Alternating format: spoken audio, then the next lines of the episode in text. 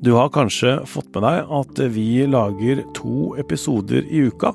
Den som vi gir ut på torsdager er åpent for alle, og du finner den overalt hvor du hører podkast. Men på mandager så har vi eksklusive episoder for deg som hører i Podme eller via VG+. Da må du betale for å høre det, men vi mener at det er det verdt. Nå har vi da lagt ut andre episode av historien om Eline, hun som opplevde noe helt eh, oppsiktsvekkende da hun bodde i USA.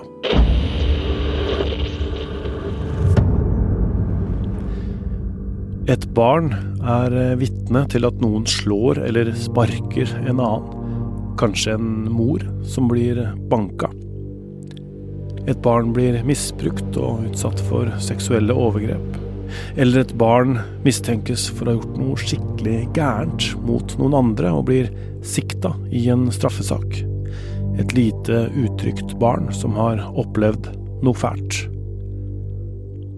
Hvordan får man det barnet til å fortelle hva som har skjedd? Jeg heter Tor Erling Tømterud, og dette er Krimpodden i VG.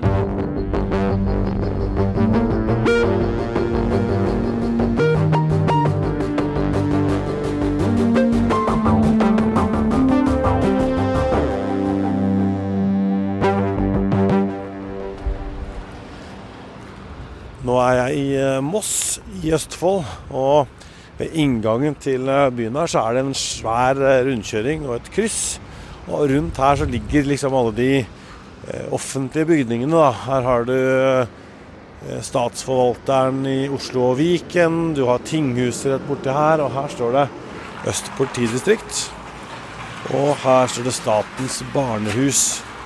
Her skal jeg inn og høre hvordan barn avhøres. Da skal jeg opp i tredje etasje.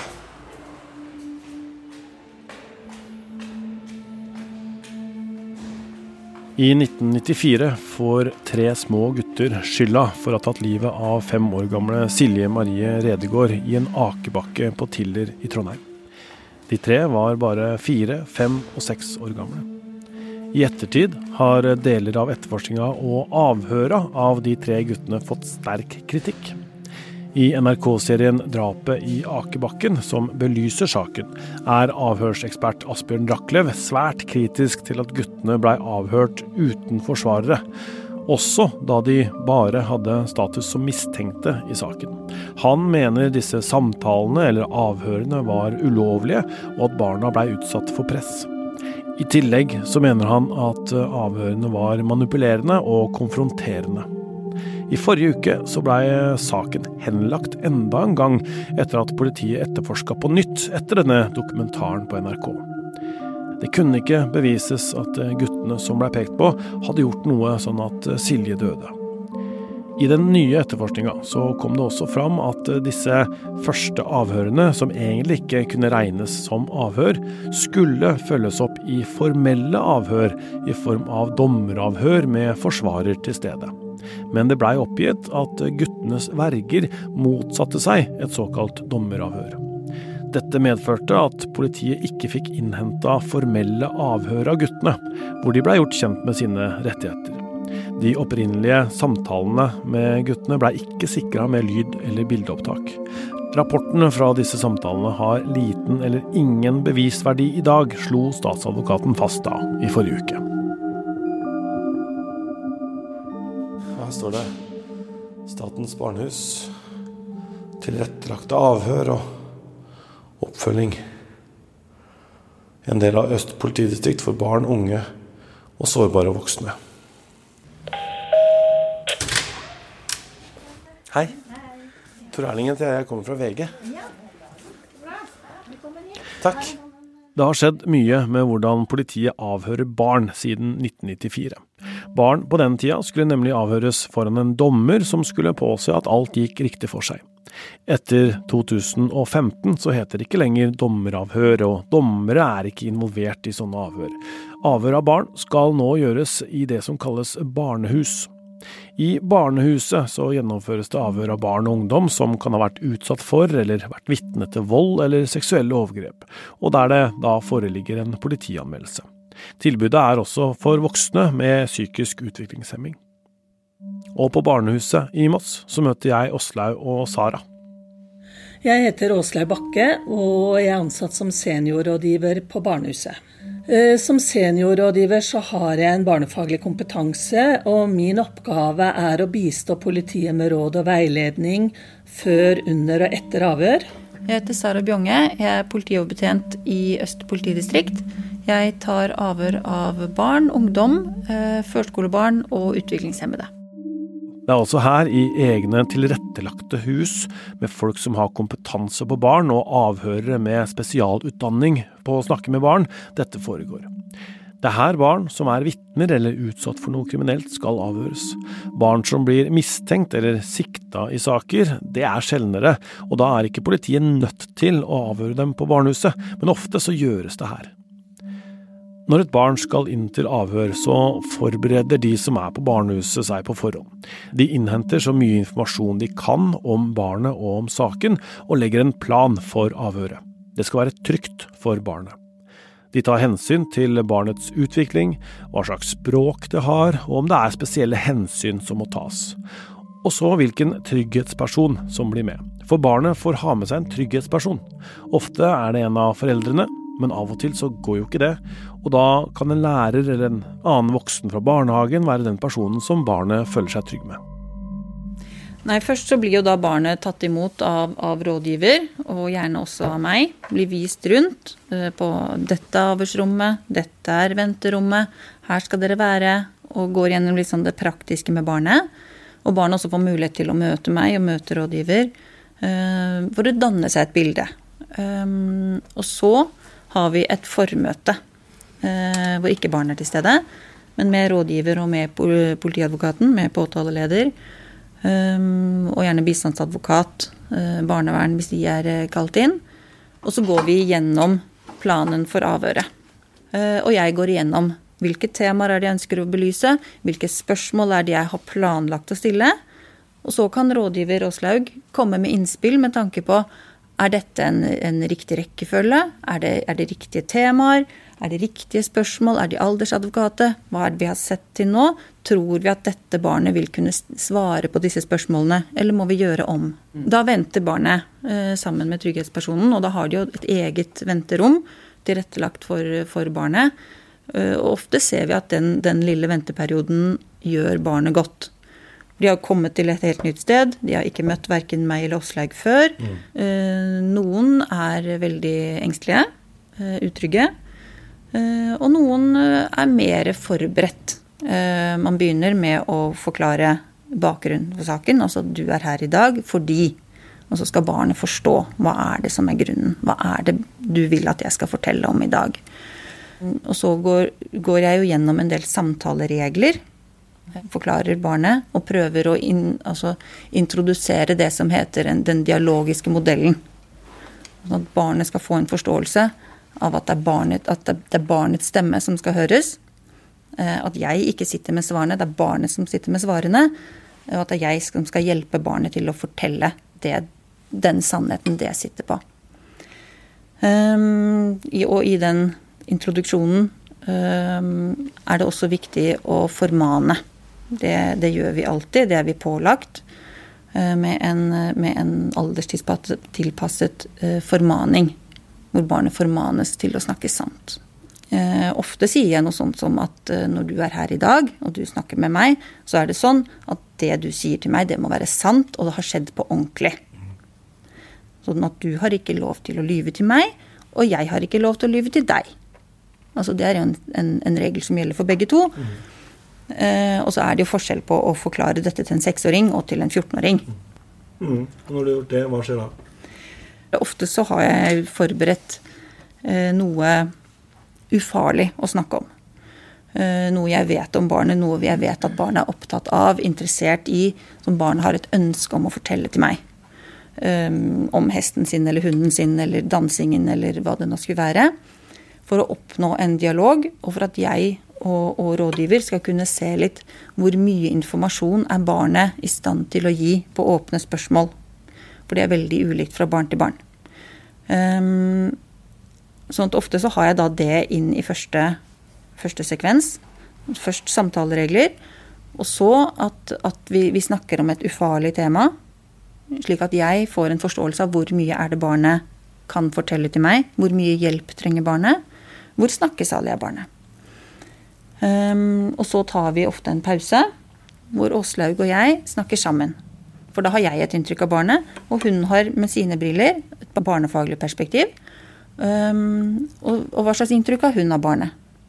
Og kanskje er da min plan for det videre avhøret og tematikken i avhøret um, ikke helt egna, og så må vi gjøre om. Har det hendt at det, at det har skjært seg? Ja. Det har hendt at vi etter da, i første pause, ser at dette barnet er ikke avhørbart. Um, eller at man må uh, fortsette med den introduksjonen og, og, og, innføring av dialog enda en sekvens etter. Altså Man kan ikke begynne rett på avhøret, for barnet er ikke klart. Barnet er ikke trygt. Uh, og så må vi på en måte fortsette å se om vi kan få, få en dialog uh, og få barnet trygt nok. Og Hvis ikke barnet er trygt nok til å fortelle om noe som ikke er belastende, så kan man heller ikke forvente at de skal kunne si noe om noe som er, er traumatisk eller er vanskelig for barnet. Når jeg er på besøk her, så er alle avhørsrommene opptatt. Minst fem barn er her i dag og blir avhørt. Jeg vet ikke hva slags saker de er involvert i, men det er både gutter og jenter i alderen fra 6 til 14 år som er her i dag. Jeg ser dem bli fulgt inn i korridoren vi står i nå. Det er rom på begge sider, og alle har hver sin fargekode. Det er oppholdsrom, det er rommet der selve avhøret finner sted, og det er et bisitterrom i én farge, f.eks. gult. Vi kan gå inn på gult og vise det gule avhørsrommet. Ja. Så her står det samtalerom. Mm -hmm. ja. Så dette er jo avhørsrommet. Mm. Og her er det da noen som er midt i et avhør og har brukt tegning. Og de møblene er jo flyttbare, slik at når vi da har de aller minste barna, eh, så setter vi inn mindre møbler, altså de små stoler, slik at barna faktisk ikke, ikke forsvinner i stolen, men, men, eh, men har eh, alderstilpassede møbler. Da. Her ser vi egentlig bare et, et hvitt rom med, med fargede sånne støyskjermer på, på veggene. Eh, to stoler og et bord. Det er det som er i avhørsrommet. Eh, og så er det eh, mikrofon som tar opp lyden fra avhører og barn. Det er et videokamera som henger i taket, slik at man kan filme ned på barnet hvis man, hvis man tegner eller gjør noe på, på bordet. Og så er det et, et kamera i enden som, som, kan filme barnet og avhører i situasjonen hvis man da ikke tegner eller konsentrerer seg om noe på bordet. Og da, Hvilken stol pleier du å sitte i? Jeg sitter alltid, og det tror jeg alle avhørere gjør, sitter, sitter i venstre, og så sitter barnet til høyre. Da sitter vi skrått mot hverandre. Uh, og, så, og, så, tilpasser vi dette, da. Hvis barnet er utrygt eller ikke er glad i, i øyekontakt, så, så, vinkler vi stolene slik at man ikke sitter mer parallelt med hverandre. Noen barn er veldig, er veldig kontaktsøkende og har behov for, for øyekontakt, da kan man sette dem mer vendt mot hverandre. Det er ingenting her som stjeler oppmerksomheten? Nei. Og det, er, og det er en helt klar baktanke bak det. Vi ønsker jo at barnet skal ha fokus på avhører eh, og formålet med avhøret. Mm. Og hvis vi har behov for hjelpemidler, så tar vi det med inn. Men det er ikke, det er ikke noe her i utgangspunktet som skal stjele oppmerksomheten. Så i tillegg til kontakt med avhører og metodikken, så er jo for så vidt utformingen på rommet med å ramme inn barnet òg. Så barn som man får formidle er veldig urolig, så pleier det å gå veldig bra. Syns jeg, i all hovedsak. Det er jo noen da som turner litt rundt, men det går jo bra, det òg. Et enkelt rom. To stoler og et lite bord, og et avansert videoopplegg. Avhøra blir tatt opp, og de streames direkte inn i bisitterrommet. Og der sitter Åslaug og følger med og ser hvordan barnet fungerer og hvordan det kommuniserer med avhøreren. I det rommet så sitter også politiadvokaten, etterforsker og bistandsadvokat eller forsvarer hvis barnet har det, og eventuelt andre fagpersonell. Og så, når avhører og barnet har kommet inn i rommet, de har skapt en trygg atmosfære, de har snakka om et ufarlig tema, da setter avhøreren i gang for å finne ut hva som har skjedd. Hvordan stiller man da spørsmål for å få et barn til å fortelle? Da prøver jeg jo alltid å stille åpne spørsmål. Altså spørsmål som, uh, som gjør at barnet fritt kan fortelle uten å bli ledet uh, av meg. Altså jeg skal ikke legge noen forutsetninger for det svaret barnet kommer med. Det er det optimale. Um, fortell, forklar, beskriv. Um, men så er det en kjensgjerning at særlig de små barna strever med å komme med frie, lange, gode, frie forklaringer på så åpne spørsmål. Mm. Men, det, men det, man skal alltid vurdere å begynne der, eller begynne der. For da har jeg jo, har jeg jo forklart barnet hva som er bakgrunnen. Du er her i dag fordi eh, politiet har fått vite at eh, det ble sagt noe i barnehagen om at eh, pappa gjorde, eller mamma gjorde, eller hva det nå var som var bakgrunnen for saken. Og så begynner jeg der. Eh, jeg vet ikke hva som har skjedd. Eh, fortell meg. Hva, hva er det som har skjedd? Og så da en, en, eller annen spesifikk hendelse, eller om det er et, et, eh, et opplysninger som har kommet som tilsynelatende ikke er én hendelse, men, men, flere hendelser, så må jeg jo vurdere hvordan jeg skal tilnærme meg det på en åpen måte. Eh, og så prøver jeg. Fortell meg om det. Dette forsto jeg ikke helt. Jeg var ikke der. Fortell meg hva som skjedde. Hvordan opplevde du det? Hvordan var det for deg? Mm. Um, og, så, og, så, prøver jeg da å ta tak i det barnet sier. Uh, for ikke, ikke legge forutsetninger. Ok, nå har du, du har fortalt sånn og sånn. Hva skjedde mer? Hva skjedde så?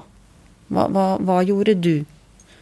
Um, og så prøve å bygge videre uten å komme med forslag. Men, men prøve på en måte å, å, å, hjelpe barnet til å fortsette sin forklaring uh, uten å legge føringer for hvor forklaringen skal hen. De som har eh, barn og spør hva gjorde de i barnehagen f.eks., får jo som svar som ofte at nei, det husker jeg ikke. Det vet jeg ikke. Og andre ganger så kan man jo flomme over av fantasifulle fortellinger ikke sant? Som, som kanskje ikke er helt uh, sanne også. Uh, hvordan opplever du da at barna er når de er hos deg? Eh, det er det ikke noe godt svar på, for det er veldig stor forskjell. Eh, noen barn er veldig tydelige, eh, og noen barn er ikke fullt så tydelige. Og det kan være reelle, sanne historier som også har islett av fantasi. Og da må jeg faktisk også ta tak i det. For det kan være en helt rimelig grunn for at barnet forteller som det gjør. Det kan være at det har misforstått. Ehm, eller at deres opplevelse var at det faktisk var sånn det skjedde, fordi de ikke har det hele og fulle bildet. Så at det kommer fantasifulle eller lite troverdige ispett i en forklaring, betyr ikke at forklaringen er lite troverdig. Men det handler om å prøve å oppklare de misforståelsene, og prøve å forstå hva er det som er bakgrunnen for at disse opplysningene også kommer i denne historien. Hvor lenge holder dere på? Det er også veldig avhengig av barnet. Ehm, de store barna, sånn 13-14-15, de har jo gjerne et oppmerksomhetsspenn eh, tilnærma en voksen. Så med mindre de har utfordringer som gjør at de, de, de krever korte, korte, sekvenser, så kan man sitte halvtime, tre kvarter. Eh, og, og barnet holder konsentrasjonen. Men det er klart, de minste, så, så må, tar vi ofte utgangspunkt i ti minutter, kvarter. Mm. Eh, men selvfølgelig justerer. Mm. Noen barn har fem minutter oppmerksomhetsspenn, og det er det. Og så må man forholde seg til det, og så må man ha fem minutter eh, og pause. Og det vil jo også være noe av rådgivers ansvar å følge med fra bisitterrommet. Uh, for det er jo si, fordelen at vi sitter litt på distanse og kan se hvordan barnet fungerer i rommet, om det begynner å miste konsentrasjon, om det er ting som blir vanskelig. da. Eh, så det samspillet vi har med politiet da i pausene, å kunne bringe det tilbake, er jo noe av det vår oppgave. Hvordan ser du det på barna? Nei, Det kan ha alt fra blikk eller kroppsspråk, eller at det blir urolig i rommet. Og ofte så ser jo avhørerne det veldig godt sjøl. Det er jo dyktige folk som sitter og avhører barn med mye kompetanse, men det er jo den avstanden vi har da, som gjør at vi kanskje kan fange opp lettere hvor langt oppmerksomhetsspenn barnet har, eh, og hva barnet kan tåle. En ting som kan skjære seg i et avhør, er at den som blir avhørt, forteller det som politiet vil høre.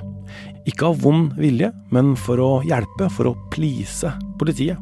I de kjente eksemplene vi har hørt om der det har blitt eh, begått feil, f.eks. avhøret av fetteren til Birgitte Tengs eller av Fritz Moen, så endte det med at eh, den som blei avhørt, til slutt tilsto, eller fortalte det som passa. Og det samme gjelder også barn. De vil hjelpe og være snille og si det vi voksne vil at de skal si. Vi er veldig oppmerksomme på det. Eh, og det er jo en av grunnene for at vi, det er veldig sånn tydelig at vi ikke skal stille samme spørsmål flere ganger.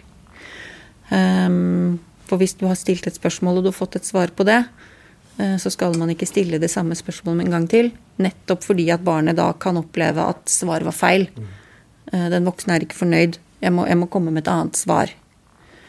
Så da, da må man eventuelt prøve Hvis, hvis spørsmålet ikke gir, eller svaret ikke gir mening, så må man heller prøve å stille det som at ok, nå fortalte du sånn, det forsto jeg ikke helt. Kan du fortelle meg mer? Mm. Og så anerkjenne svaret man allerede har fått. Slik at ikke barnet får en opplevelse av at det er feil, og så må de finne på noe annet. For da, da kan man uh, tulle det til som avhører.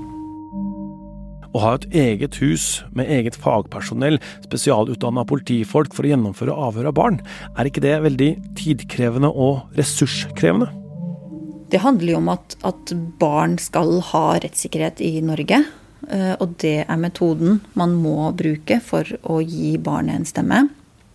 Eh, så det er, ikke, det er på en måte ikke valgfag. Den tiden som må brukes i forkant, den må man bruke for å møte barnet på en best mulig måte, for at barnet skal få mulighet til å komme med de opplysningene det har. Og så er det på en måte hva skal jeg si, kongstanken rundt hele barnehusmodellen. Eh, det er en tverrfaglig og samordna eh, kompetansehus der alle skal komme dit barnet er, og at barnet skal slippe å fortelle sin historie flere ganger. Eh, og vi har jo også legedekning, holdt jeg på å si. Både mulighet for klinisk rettsmedisinske undersøkelser, tannlegeundersøkelser, alle andre faggrupper som er samla rundt barnet. Ehm, så det er som du sier, det er um, store ressurser, men det er utrolig viktig for å få gjort en god jobb, da. De fleste saker som kommer hit, er jo seksuallovbrudd og vold i nære relasjoner. Men vi har jo også drapssaker. Vi har kidnappingssaker, kjønnslemlestelse, æresdrapssak har vi hatt. Ehm, så noe som gjør inntrykk, er kanskje alvoret alvor i saken, men som sagt også det enkelte barn og hvordan det fremstår. da. Og så har vi jo noen større saker. Vi har hatt større nettovergrepssaker. Eh, barnehagesaker der veldig mange barn er involvert i det samme. Og det gjør jo at riggen blir litt annerledes. Og fellestrekket er at det er eh, det enkelte barn og familie som er berørt. Og det er klart en krise for de som, eh, som opplever det her og som kommer hit. Så derfor så tenker jeg nettopp det her som du sier, at det er en stor rigg, men den riggen er utrolig viktig, da, hver og enkelt. Og at man har mulighet til å følge opp i etterkant. Et lite besøk på et barnehus ga et lite innblikk i hvordan politiet jobber med å avhøre de yngste av oss. Og Sara og Åslaug fortalte meg at eh, det gjorde inntrykk å høre et barn eh, fortelle. Et enkelt berørt barn som uttrykker det det har følt, og som forteller om noe som de egentlig ikke skulle ha opplevd. Avhør er nå mye mer et fag i politiet, og mye har jo da endra seg i måten man jobber på i avhørsrommene. Både når det gjelder barn og voksne. Hvis du ønsker å høre mer om avhør og avhørsteknikk, så anbefaler jeg deg å høre på episoden vår da vi hadde avhørsekspert Asbjørn Rackløv i studio. Den episoden heter Hva gikk galt i politiavhørene? Produsent for Krimpodden er Vilde Worren, og jeg heter Tor Erling Tømterud.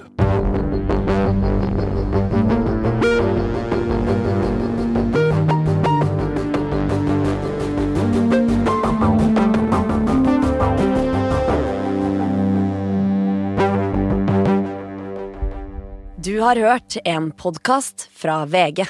Ansvarlig redaktør, Gard Steiro.